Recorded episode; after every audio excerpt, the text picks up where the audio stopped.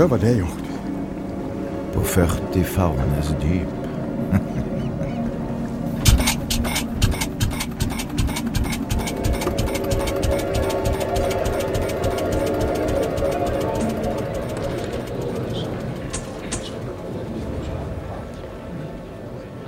Politiet kan meddele at Walter Hjelm Berntsen og Gunvald Natvik Johnsen i dag har tilstått brannstiftelsen på Andøya. De to har også tilstått og har drept Klaus Barth.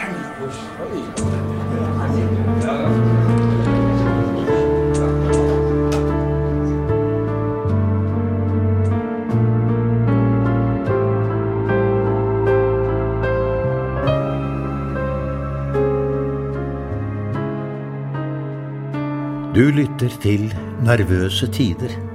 En serie om politikk, religion og kriminalitet i norsk førkrigstid.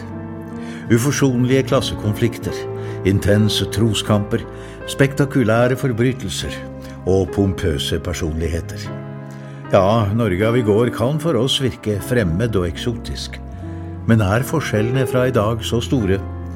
Lever ikke også vi i nervøse tider? Jeg heter Torstein Arisholm. Og jeg heter Terje Embland, og vi er klare med annen del av en historie vi har kalt I Sørlandets natt. En historie om mord, moralpanikk og fascisme i Kristiansand i 1933. Dette er en fortelling om tre unge gutter fra det beste borgerskap som prøvde seg på assuransesvindel, en affære som tok overhånd og endte med at de to eldste drepte den yngste.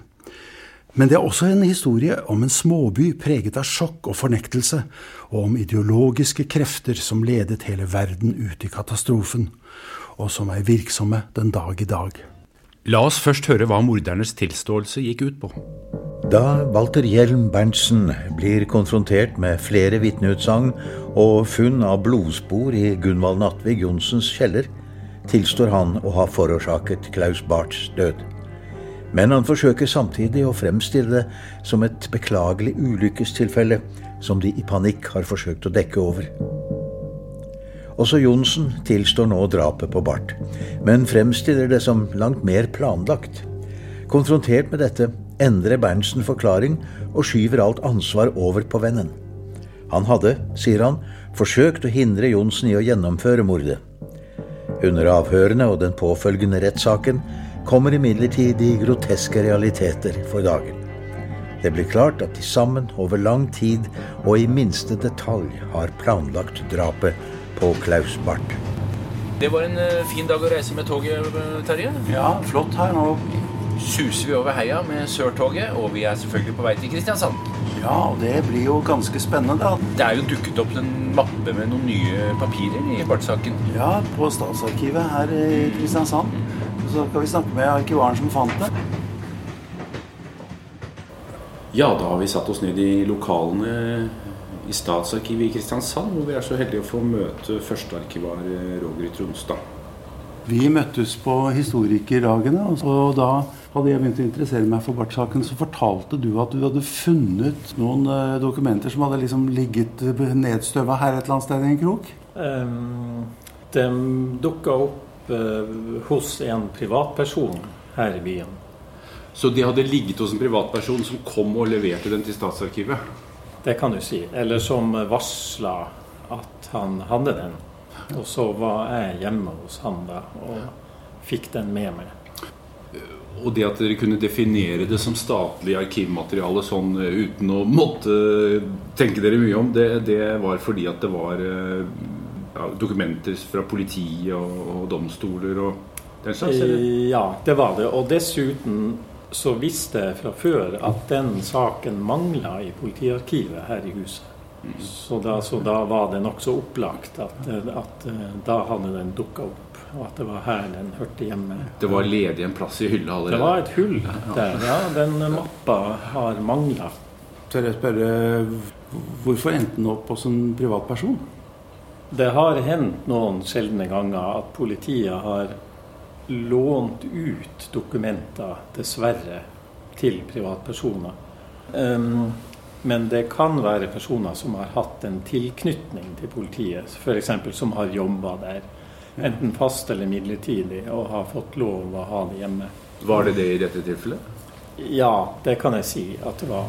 Men jeg går ikke nærmere inn på det. Nei. Men kan du, kan du si om det var noen som hadde tilknytning til saken uh, for øvrig? Nei, det var det ikke. Nei da. Nei, fordi jeg ble jo veldig begeistret da du fortalte om dette funnet. Da. Og har det vært noe interesse for det arkivet etterpå? Nei, jeg kommer ikke på at vi har hatt spørsmål om den saken etterpå. Vi har hatt spørsmål et par ganger før du fikk se den. Det var spørsmål fra politiet sjøl. Men da fant vi den jo ikke. Tidligere i år så fikk vi jo inn flere dokumenter i Barth-saken. Det kom jo også da fra en privatperson. En annen privatperson. Var det også en privatperson med tilknytning til politiet? Det var det faktisk. Eller via. Ja. Kanskje vi skal det er, uh, kikke på dette? Vi skal være vonde å be hvis vi Hvis vi får lov til å se på det, så gjør vi gjerne det. Også. Ja, ja. ja. Se her, ja. Her er plantegningen. Første etasje, annen etasje. Og hvem har tegnet denne flotte tegningen? Det er Julius Haugen. Ja, oh, ja, er det det? Ja. ja da. Her er kjelleren. Riss av kjelleretasjen. Blodflekker har de funnet her. Ja, ja, ja. Vaskekjelleren. Det er der det skjedde. De tre guttene har bygget hytta på Andøya sammen. For Berntsen og Johnsen er hensikten bare å brenne den ned og heve assuransepengene. For å sikre at det blir en klekkelig sum, gjør de innbrudd i professor Brusgaards sommervilla på Dvergsøya, og tar med mange flotte møbler som de utstyrer sin hytte med, og avfotograferer for å kunne dokumentere innboet. Planen gjør at Klaus Barth får kalde føtter og forlanger å få tilbake pengene han har investert i byggeprosjektet. Den godtroende 17-åringen, som til nå hadde vært en nyttig idiot, som de eldre guttene lett kunne manipulere, blir plutselig et problem. Barth må dø, slår Berntsen fast. Noen dager senere inviterer de ham og noen andre venner til hyttefest. På forhånd har de tuklet med en parafinbrenner, slik at den skal eksplodere, og dynket noen av møblene med parafin. Idet parafinovnen eksploderer, velter Gunvald Johnsen et norgesglass med parafin over bart. Med armen i fullt fyr klarer gutten imidlertid å komme seg ut av den overtente hytta. Noen av de andre ruller ham rundt i lyngen og får slukket flammene. Armen er imidlertid stygt forbrent, og han blir fraktet til sykehus. Berntsen og Johnsen hadde planlagt å slå to fluer i én smekk. Både brenne ned hytta og kvitte seg med Barth. Med de andre vennene som vitner ville det ha vært lett å påstå at det hele var en tragisk ulykke. Og utrolig nok klarer de etterpå å overbevise Barth om at det hele var et uhell. Mens han så får behandling for brannskaden på sykehuset, planlegger de en mer effektiv drapsmetode. Klaus kan jo ikke svømme. Ja, han har jo vannskrekk. Kanskje vi kan ta med ut i båten og dytte ham i vannet, og så, og så holde ham under til med, med, med båtsaken? Nei, noen kan oppdage det der ute. Jo. Det er for risikabelt, det der, Gunvald. Men vi kunne ta ham med på en kveldstur langs kaia og så bedøve ham med sånn der eh, salmiakkspiritus og, og kaste ham til sjøs. Ja, da vil jo alle tro at han har drukna. Det er for lett å bli oppdaga der også. Jeg tror vi må gjøre det inne et sted. Så da gutten blir utskrevet fra sykehuset, inviterer de til forsoningsfest hjemme i familien Johnsens store hus i Østre Strandgate. Mens Gunvalds søster Dagny sitter sammen med en venn i vinterhagen, leder Johnsen og Berntsen Barth usett ned i kjelleren, hvor de forsøker å bedøve ham med salmiakkspiritus. Da dette ikke lykkes, slår de ham gjentatte ganger i hodet. Halvt i svime klarer gutten å slepe seg opp trappene, men blir dratt etter bena ned igjen i kjelleren uten at noen andre i huset hører det. Nå blir han kneblet, og deretter druknet i en vaskebalje som Johnsen har satt frem til formålet.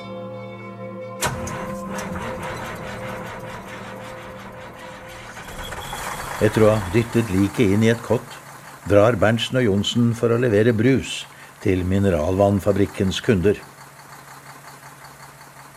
Dernest på en hyggetur til Vennesla med noen av sine damebekjentskaper.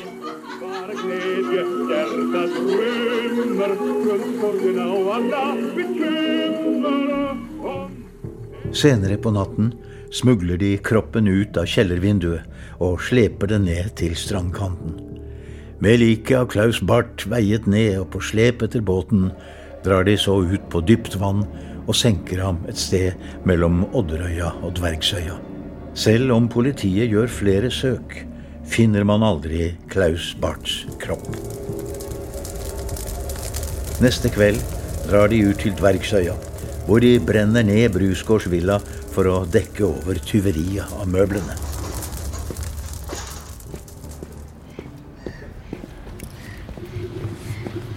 Da er vi kommet ned her helt ned ved sjøkanten, eh, Terje. Hvor eh, tidligere så var det brygger og pirer, eh, båter som lå her, lagerskur. Og her ligger altså eh, villaen som familien Johnsen bodde i. Ja, men det, adressene Ja, Østre Strandgate 56A heter Nå heter det Strandpromenaden 31. For her, her er det jo nettopp gjort om til et sånt ja, en strandpromenade hvor folk går og sykler forbi. Og, men huset er jo i alle hovedtrekk eh, sånn som det var sett ut for 90 år siden. Og der er vinduet som Klaus Barth ble trukket ut av. Ja, fordi her ser man at det, det er ikke langt ned til vannet her. Nei, her har de i nattens mulm og mørke, med hjelp av å bruke det kjellervinduet der, kunne trekke han ganske ubemerket over i den åpne motorsjekta. Fordi eh, da var kanskje hagen større og gikk den helt ned til vannet? Ja, hagen var nok ikke større. Det det er kanskje fylt ut litt mot sjøfronten, men det var, det var et privat område hvor det ikke var allmenn ferdsel, særlig ikke om natten. Ja. Nyheten om drapet får journalister fra hele landet til å strømme til Kristiansand. Hver dag er de på plass utenfor politistasjonen når Berntsen og Johnsen blir brakt inn til avhør. Her har også en stor mengde av byens borgere tatt oppstilling for å få et glimt av guttene. Konfrontert med både journalistene og menneskemengden virker morderne helt uberørte. Ja, nærmest begeistret over all viraken.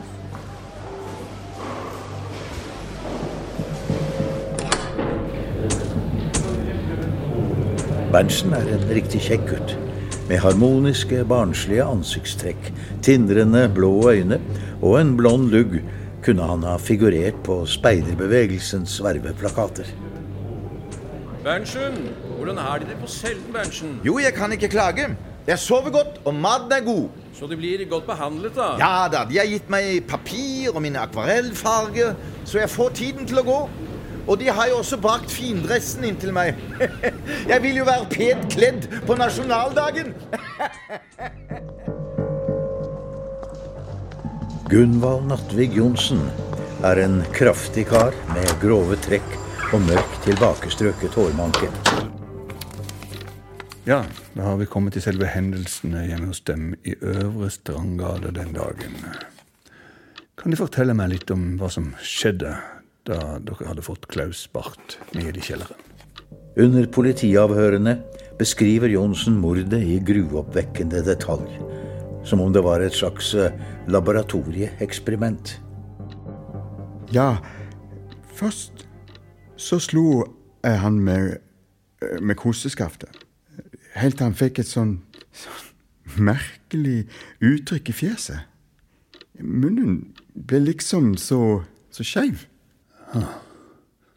Og etterpå holdt de hodet hans under vann i en vaskebalje.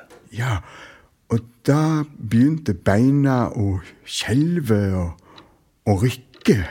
Det var ganske interessant å se på det. Ja vel. Hadde dere på forhånd gjort noen overslag over hvor lenge tid drapet skulle ta? Ja, Walter hadde regna ut at vi skulle få det unnagjort på et kvarters tid. Du er klar over at det du forteller meg nå, vil gi deg minst ti år i fengsel hvis retten kjenner deg skyldig. Ti år? Da kommer jeg jo ut i min beste alder. Hver dag bretter journalistene ut på avisforsidene dramatiske detaljer om mordet. Dette fører til at Kristiansands konstituerte borgermester Vogt føler seg beveget til å rykke ut i pressen. Den redselsjournalistikk som har fått lov til å boltre seg fritt i en del av den lokale presse og i hovedstadsavisene i anledning av et par mystiske brannaffærer og et ungt menneskes ulykkelige død, har virket dypt forstemmende. Her har en del mer eller mindre grønne reportere nå i en 14 dagers tid fått ubegrenset spalteplass og anledning til å tillempe de verste sider av amerikansk reporter-smartness.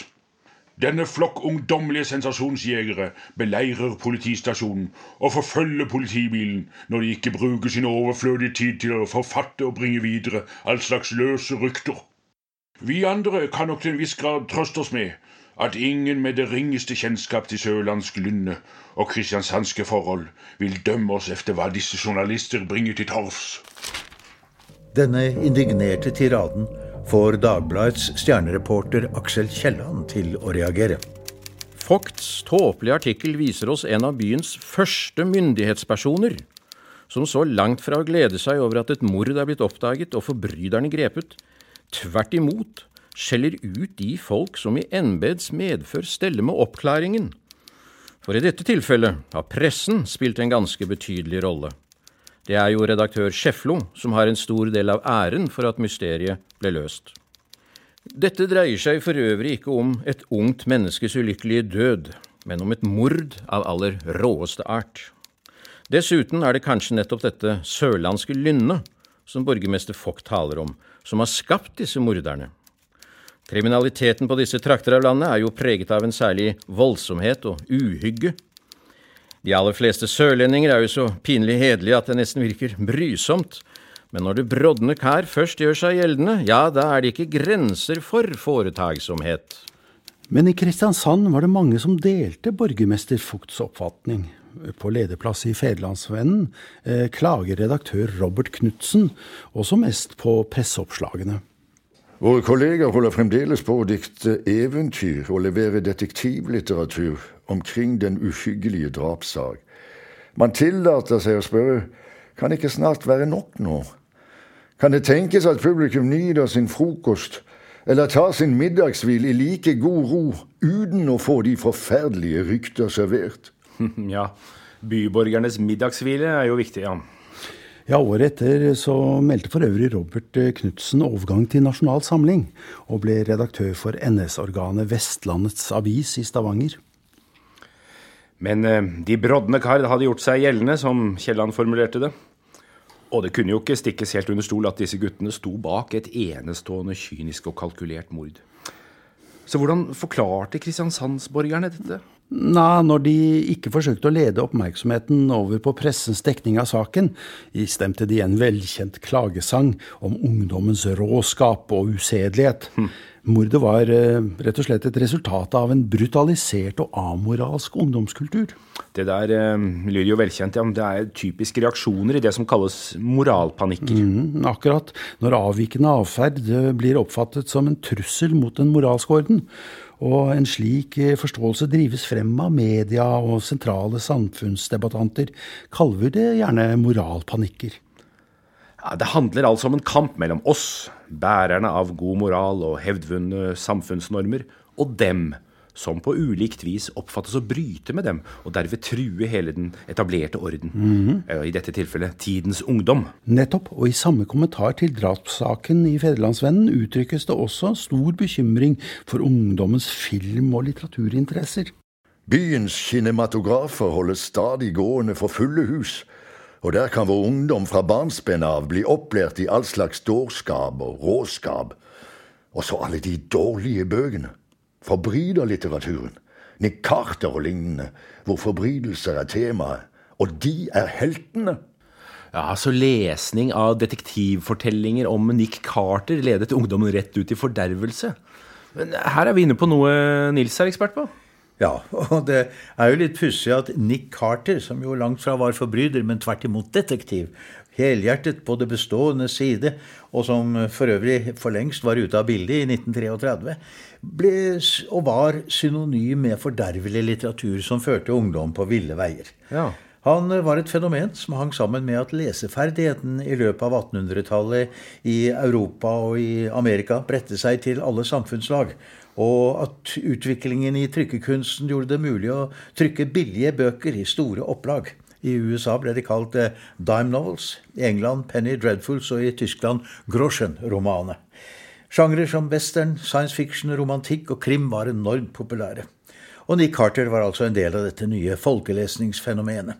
Han ble skapt i USA i 1886, og ble fort voldsomt populær også i Europa. Og heftene om ham beholdt sin popularitet til langt inn på 1920-tallet. I 1908 gjorde Nick Carter sitt inntog i Skandinavia, og ble en dundrende suksess. Og ble altså samtidig umiddelbart møtt med fordømmelse. Ja visst. Det oppsto en moralsk panikk, og særlig i Sverige og Norge. At dette var diktning som vendte seg eh, til unge mennesker og til arbeiderklassen, det var vel i seg selv litt tvilsomt? Ja, det virker som han oppfattet det som truende at folk flest i det hele tatt leste. Noe annet enn kristelig oppbyggelseslitteratur, i hvert fall. I Norge sluttet Narvesen allerede høsten 1908 å føre Nick Carter-heftene. Og selveste politimesteren i Bergen skrev til byens lokale kioskkompani og nærmest beordret dem til å stoppe salget av heftene. Ja, Og etterpå har eh, slike moralpanikker oppstått ved hvert nytt massefenomen eh, med særlig appell til yngre mennesker. Ja. På 30-tallet var det fortsatt detektivmagasinene og cowboy- og gangsterfilmer. Mm. Siden har det vært radio, så tegneserier, så TV, så videospill, i tillegg til jazz, rock, punk, svartmetall og rap, you name it. Ja, og Det var interessant å merke seg at de som klaget over tidens fordervede ungdomskultur, eh, ofte ga den moderne, frie barneoppdragelsen også mye av skylden. Eh, den hadde gjort ungdomsgenerasjonen forkjælt og selvsentrert og amoralsk, hevdet de. Og så hadde selvsagt også arbeiderbevegelsen i bunn og grunn mye av skylden. Eh, selvsagt. Eh, hvordan ble det forklart? Ja, I Federlandsvennen anklages også pressen for å påvirke ungdommen gjennom sine skildringer av det de kaller forrående arbeiderkamper. Ja, at det er noe galt med tidens ungdom, skyldes faktisk Arbeiderpartiet og de hatdemoniske personer i Folkets hus, heter det f.eks. i et innlegg i Aftenposten. Altså, Mordet var altså ikke bare et resultat av forrådende Nick Carter-hefter, cowboyfilmer og liberal barneoppdragelse, men Ja. også av arbeiderbevegelsens agitasjon. Ja, eh, men hos Olav Schäflo eh, var det ingen tvil om hva som motiverte morderne, nemlig deres fascistiske tenkesett. Det var nemlig ingen tilfeldighet at de var nært knyttet til Fedrelandslaget, en organisasjon som hyllet fascismen både i Tyskland og Italia. Vi mener det nemlig alvorlig når vi hevder at mentaliteten innenfor den fascistiske bevegelse er preget av brutalitet og av forakt for menneskeliv og menneskelige lidelser. Vi mener absolutt at fascismen virker forrående på sine tilhengere, og at den er særlig farlig for den ungdom som slutter seg til den. Så Scheflo mente at mordet på ett vis var utslag av en mentalitet som rådet på denne tiden? Ja, for så vidt. Ikke så mye blant ungdommen i sin alminnelighet, men som et resultat av den ånd som spredde seg fra Hitler-Tyskland, og i bekymringsfull grad hadde grepet om seg blant borgerskapets barn også her i landet. Om ikke alle de unge fascistene var av Berntsen og Jonssons kaliber, var det likevel svært talende at slike kunne vinne innpass i fedrelandslaget. Slike påstander kunne vel ikke fedrelandslaget akseptere? Nei, selvsagt ikke. Og det er her Anders Lange dukker opp i vår historie. Han var nemlig fedrelandslagets sekretær i Kristiansand, og hadde samarbeidet tett med Walter Hjelm Berntsen, siden denne hadde vært formann i ungdomslaget og til og med delegat på landsmøtet året før. Og nå kom Lange med et skarpt angrep på Schäflo. Det er helt uforståelig hvordan Schäflo gjør fedrelandslaget moralsk skyldig i dette avskyelige mordet. Saken er så forferdelig at jeg ikke engang kan forstå at der Schäflo først og fremst reagerer politisk. Men det er vel ikke annet å vente av en mann som har drevet den samme forvrengning av lignende tilfeller i Tyskland. Men nå skal altså jeg tilsvines som Quisling er blitt det, og som Hitler er blitt det, utenfor Tyskland. Temmelig merkelig utfall, vil jeg si. Scheflos engasjement i Barth-saken er, eh, hvis jeg forstår Lange rett, en ren politisk bakvaskelseskampanje og et personlig angrep på ham. Ja, og som vi hørte på Hitler og Quisling. ja, Lange plasserte seg i godt selskap. Han kritiserte Scheflo for å politisere drapssaken. Og i en artikkel i lagets avis, Norges Fremtid, forsøkte han å distansere fedrelandslaget fra ugjerningen ved å skyve alt ansvar for drapet over på Johnsen, som ikke var medlem av organisasjonen, men som bare hadde hjulpet Berntsen på møter og slikt. Johnsen er mørk, tykkfallen og ser skummel ut. Og det skal da også være jødeblod i slekten. Denne Johnsen-familien er også kjent for griskhet og gjerrighet. Og deres forretning er en mørk, liten jødesjappe. Akkurat. Her spilles det åpenlyst på klassiske antisemittiske fordommer. Ja, her dukker han opp. Høyreradikaleren og fascistenes busemann og syndebukk nummer én, jøden. Jøden var selve symbolet for alle de trekk ved det moderne samfunn de foraktet. Jøden sto etter deres mening bak kommunismen, sosialismen og internasjonalismen. Ja, også moderne kunst og seksualopplysning og ungdommens såkalte jazzkultur var et ledd i jødenes plan eh, for å forderve de unge. Så det å gripe til disse antisemittiske fordommene, som i karakteristikken av Johnsen, det var ikke uvanlig innenfor fedrelandslaget? Nei, og særlig når de skulle stemple sine sosialistiske motstandere. Under et debattmøte i Vennesla kalte Anders Lange f.eks. sine motdebattanter for marxistiske jødesvin, og raste, ifølge avisreferatene, eh, mot det han kalte invasjon av jøder og fargede raser i Norge. Hmm. Men uansett, bedre gjensvar kunne vel Schäflo knapt ønske seg. Lange hadde jo ganske åpenlyst bekreftet Schäflos påstand om sakens politiske side. Nettopp. Og i sitt svar så henleder Schäflov oppmerksomheten på et innlegg i bladet Rebellion. Det var organ for foreningen Gjenreis Norges Forsvar. Der kreves det at man reiser en agitasjon på det som blir kalt lettkjøpt fredssnakk. Krigsmentaliteten er uutryddelig fordi den er uløselig forbundet med hele det menneskelige tankesett. Fiendskapet er et psykologisk behov og kan ikke skilles fra vår måte å vurdere personer og saker på. Ingen som mener de har rett, betenker seg på å bruke vold.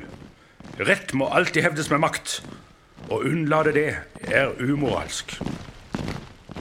Dette var et skremmende eksempel på den ånd som preget miljøet kristiansandsmorderne kom fra, konkluderte Schäflo. Men eh, trakk han ikke da altfor vidtrekkende konklusjoner ut fra ett enkelt innlegg i en avis? Vel, innlegget var skrevet av ikke hvem som helst, men Christian Benneke jr. Christian Benneke jr. Ja, det var en av sønnene til eh, forfatteren Olaf Benneke? Ja. Mm, og han var den fremste ideologen i den høyreradikale gjengen Walter Hjelm Berntsen tilhørte. Mm. Ja, Men øh, hvordan skal vi vurdere denne, denne, debatten om fascismen i dag?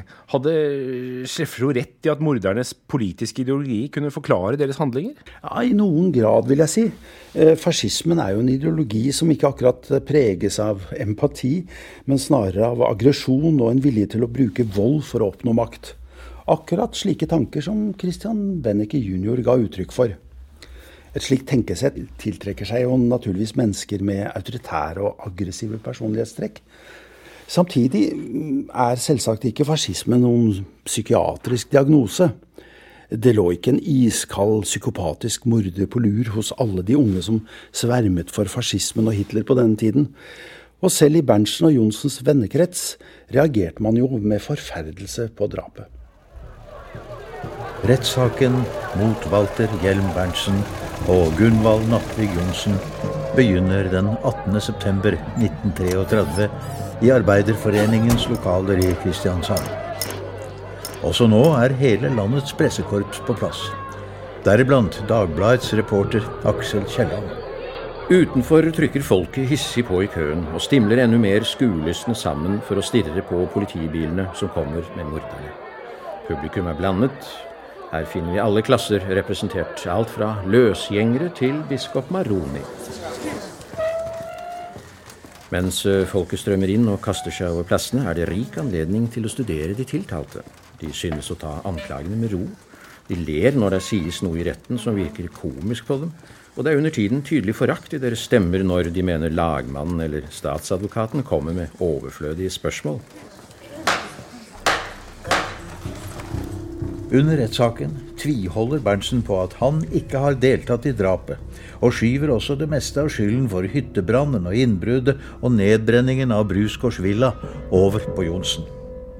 Men retten tror ham ikke, og utpeker ham tvert imot til hjernen bak både assuransesvindelen og det nøye planlagte drapet.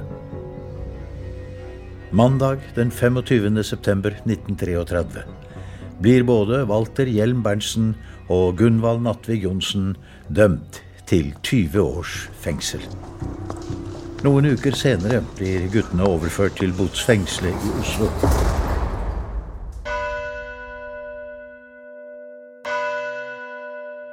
Så kan Kristiansands domprost Kobro holde sin forbønnsgudstjeneste for morderne, og byens kristelige foreninger arrangere et stort fellesmøte for å føre de unge tilbake til Kristus i denne sørgelige tid. Livet vender altså tilbake til det normale i sørlandsbyen. Men jeg vil da tro at eh, Scheflos skriverier fikk visse konsekvenser når det gjaldt de fascistiske strømningene blant byens ungdom? Ja, der er du nok for godtroende, Torstein. Mm. Ja, Tvert imot kunne lokalavdelingen av Federlandslagets ungdomsfylking i de påfølgende år eh, stolt rapportere om en sterk medlemsvekst. Hvordan kunne det ha seg, da? Ja, jeg tror deres høyreautoritære budskap lett lot seg kombinere med den småborgerlige og kristelige moralismen som preget mange i byen. Ja, Som da de allierte seg med domprost Kobro i protestene mot stykket 'Guds grønne enger' på Nationaltheatret? Akkurat. Og det er jo ganske vanlig at slike moralpanikker blir utnyttet av aktivistgrupper som krever lov og orden og en renselse av det dekadente Mm. samfunnet. Og det korstogget fortsatte fedrelandslaget også med etter Barth-saken var over. Og så ble hele Barth-saken eh, nærmest glemt? Ja, byen følte nok at det var best slik. Men det fortjente den jo ikke. Nei, og i den grad den blir husket, er det som ren kriminalsak. Men det er ikke mindre viktig hvordan den nådeløst forteller oss om den opphetede, ja forgiftede politiske stemningen som rådet i Norge i 1933. Og akkurat som Schäflo hevdet, kan den også fortelle oss om eh, noe av den mentaliteten som hersket på ytterste høyrefløy. Ja, og Nils, vår kjære kriminalist. Dette må da være en ganske eksepsjonell sak i norsk kriminalhistorie? Ja, jeg vil si den er temmelig sjelden, men ikke helt. Altså, Det hadde ikke skjedd noe lignende før, men vi kan trekke paralleller til forbrytelser som har skjedd senere. Ikke minst til de såkalte Hadelandsdrapene på begynnelsen av 1980-tallet. Også her var det snakk om unge gutter som begikk mord for å skjule kriminell virksomhet, men som også var påvirket av en fascistisk ideologi. Den 22. februar 1981 blir to unggutter drept i et skogsområde på Hadeland. Det er resultat av et internt oppgjør innen en nynazistisk gruppe. 20-åringene Jonny Olsen, Jon Charles Hoff og Espen Lund har opprettet noe de kaller Norsk germansk armé. Som navnet indikerer, sympatiserer de med nazismen. De kommer da også fra familier med tilknytning til Nasjonal Samling. Gruppen begår et våpentyveri fra et heimevernslager for å utstyre seg for de terroraksjonene de fabler om å begå. To av gruppens medlemmer, Fridtjof Nome og Fred Karlsson, vil imidlertid ha betaling for innbruddet, og faller derfor i unåde hos de andre, som frykter at de vil tyste til politiet. Jonny Olsen og Jon Charles Hoff tar med seg Nome og Karlsson på en biltur til Hadeland. Her stopper de på en bro i et øde skogsområde. Alle stiger ut av bilen. Uten forvarsel gir Olsen Nome og Karlsson nakkeskudd med sin pistol. Deretter gjennomhuller Hoff kroppene med en salve fra sin maskinpistol, før likene dyttes over brokanten og ned i elven. Det Olsen og Hoff ikke vet, er at de drepte allerede har sprukket under politiavhør og har valgt å samarbeide med politiet. Dette leder til at det blir satt inn store ressurser i overvåkningen av gruppen. Politipatruljer har derfor fulgt bilen utover mot Hadeland. På vei tilbake til byen støter drapsmennene på politiets veisperringer. Olsen og Hoff skyter seg forbi, men etter en dramatisk biljakt innover mot Oslo kjører fluktbilen av veien, og gjerningsmennene blir pågrepet. Like etterpå blir også Espen Lund arrestert. Under rettssaken vil forsvarerne holde all snakk om drapsmennenes nynazistiske ideologi utenfor. Advokat Olav Hestenes prosederer på at hans klient Jonny Olsen er styrt av krefter utenfor seg selv, og derfor ikke strafferettslig tilregnelig. Enda mer uakseptabelt mener Forsvaret det er at Espen Lund, som ikke har deltatt i drapene, skal dømmes. Drapene er en tragisk følge av ungguttenes sosiale utenforskap og psykiske problemer, blir det hevdet. Hvis lagretten er opptatt av politikk, ikke bare de tiltaltes sjelsliv, har de bare aktors prosedyre å støtte seg til, skriver Arbeiderbladet.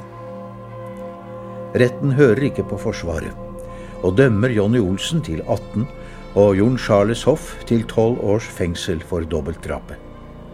Espen Lund, som altså selv ikke har deltatt i drapet, blir utpekt som lederen i norsk-germansk armé og hjernen bak likvideringen, og dømt til 18 års fengsel.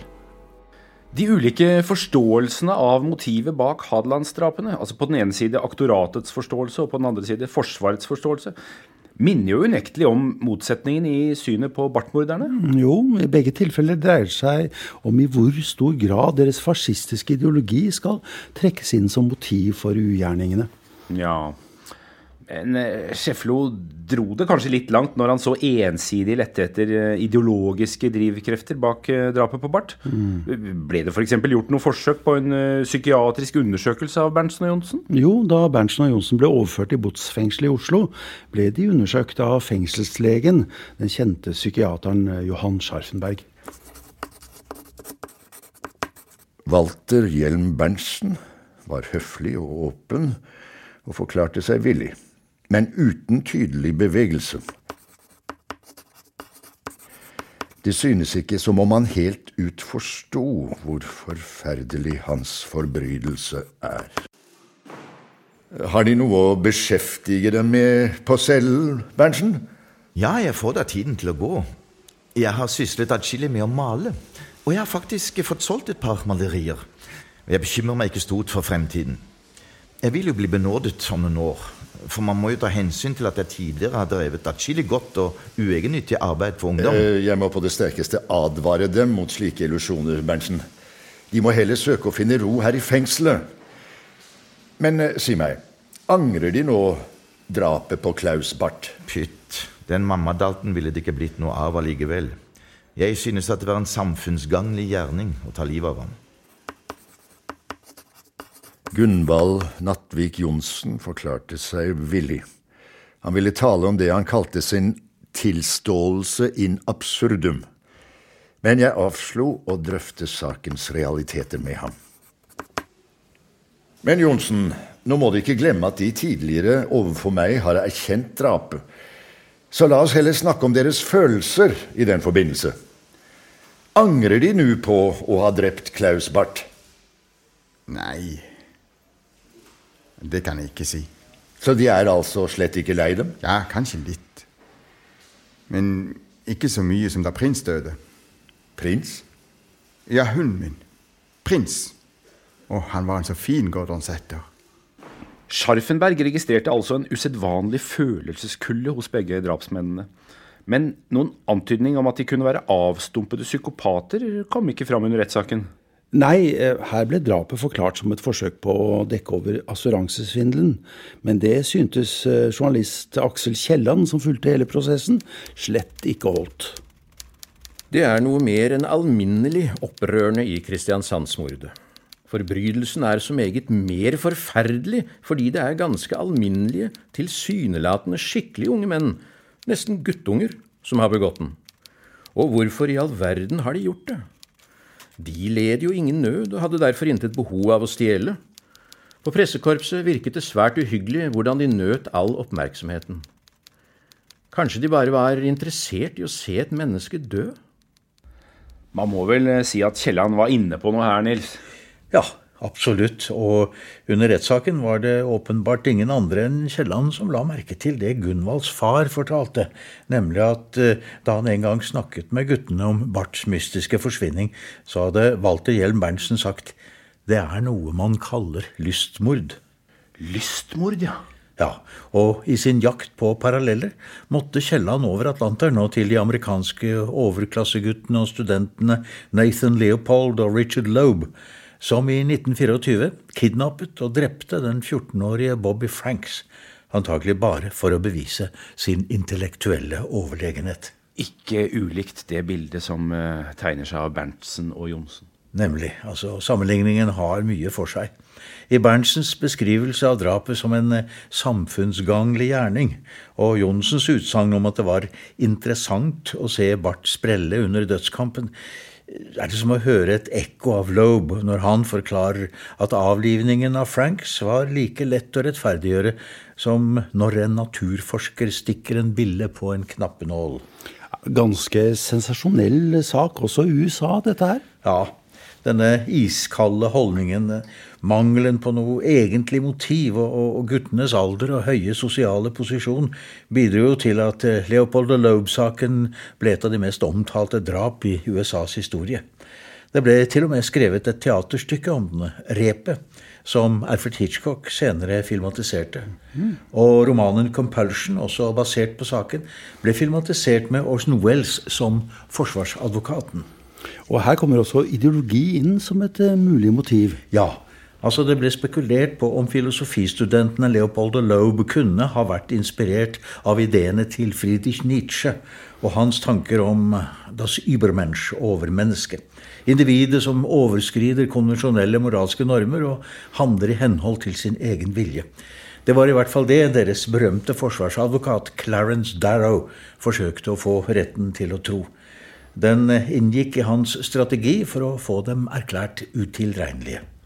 Utilregnelighet, ja. Det, det, var jo det advokat Olav Hestnes forsøkte seg på under forsvaret av Jonny Olsen under Hadelandsdrapssaken. Ja, men i motsetning til Hestenes klarte altså faktisk Darrow å overbevise retten, og Leopold og Loeb slapp unna den elektriske stolen. Hmm.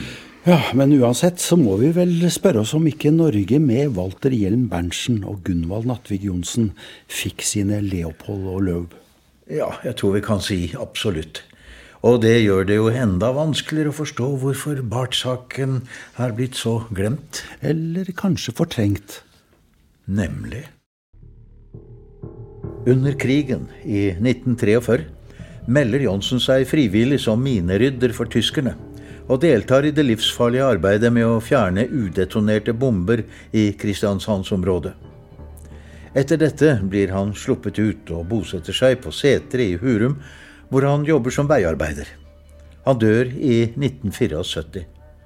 Berntsen søker flere ganger benådning og slipper til slutt ut av fengsel i 1947. Han slår seg ned i Oslo og livnærer seg frem til sin død i 1985 som kunstmaler med romantiske sørlandsmotiver som spesiale. Akkurat som i Leopold og Loeb-saken og Hadelandsdrapssaken blir et av spørsmålene i Barth-saken hvor sterkt man skal vektlegge ideologi som motiv. Eller snarere hvordan ideologien er forbundet med andre mulige motiver og psykologiske skavanker. Og det spørsmålet har du selv vært borti for noen år siden, Terje?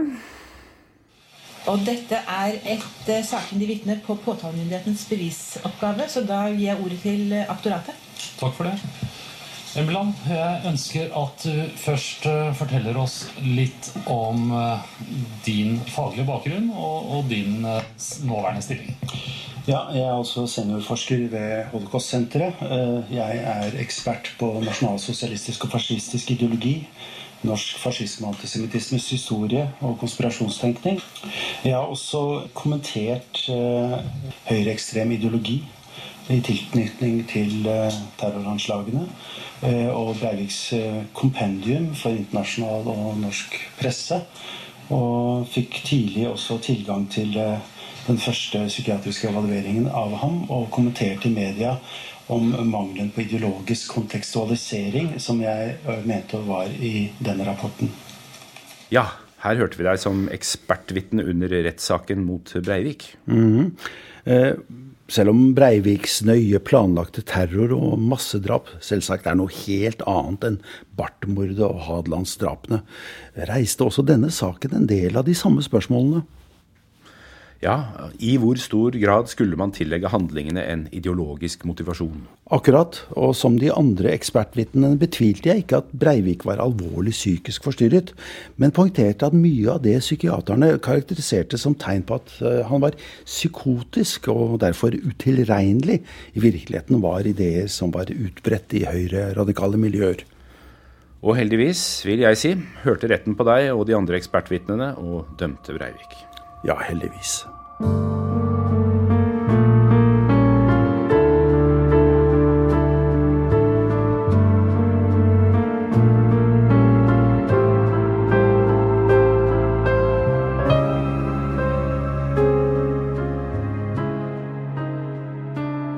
Du har lyttet til Nervøse tider.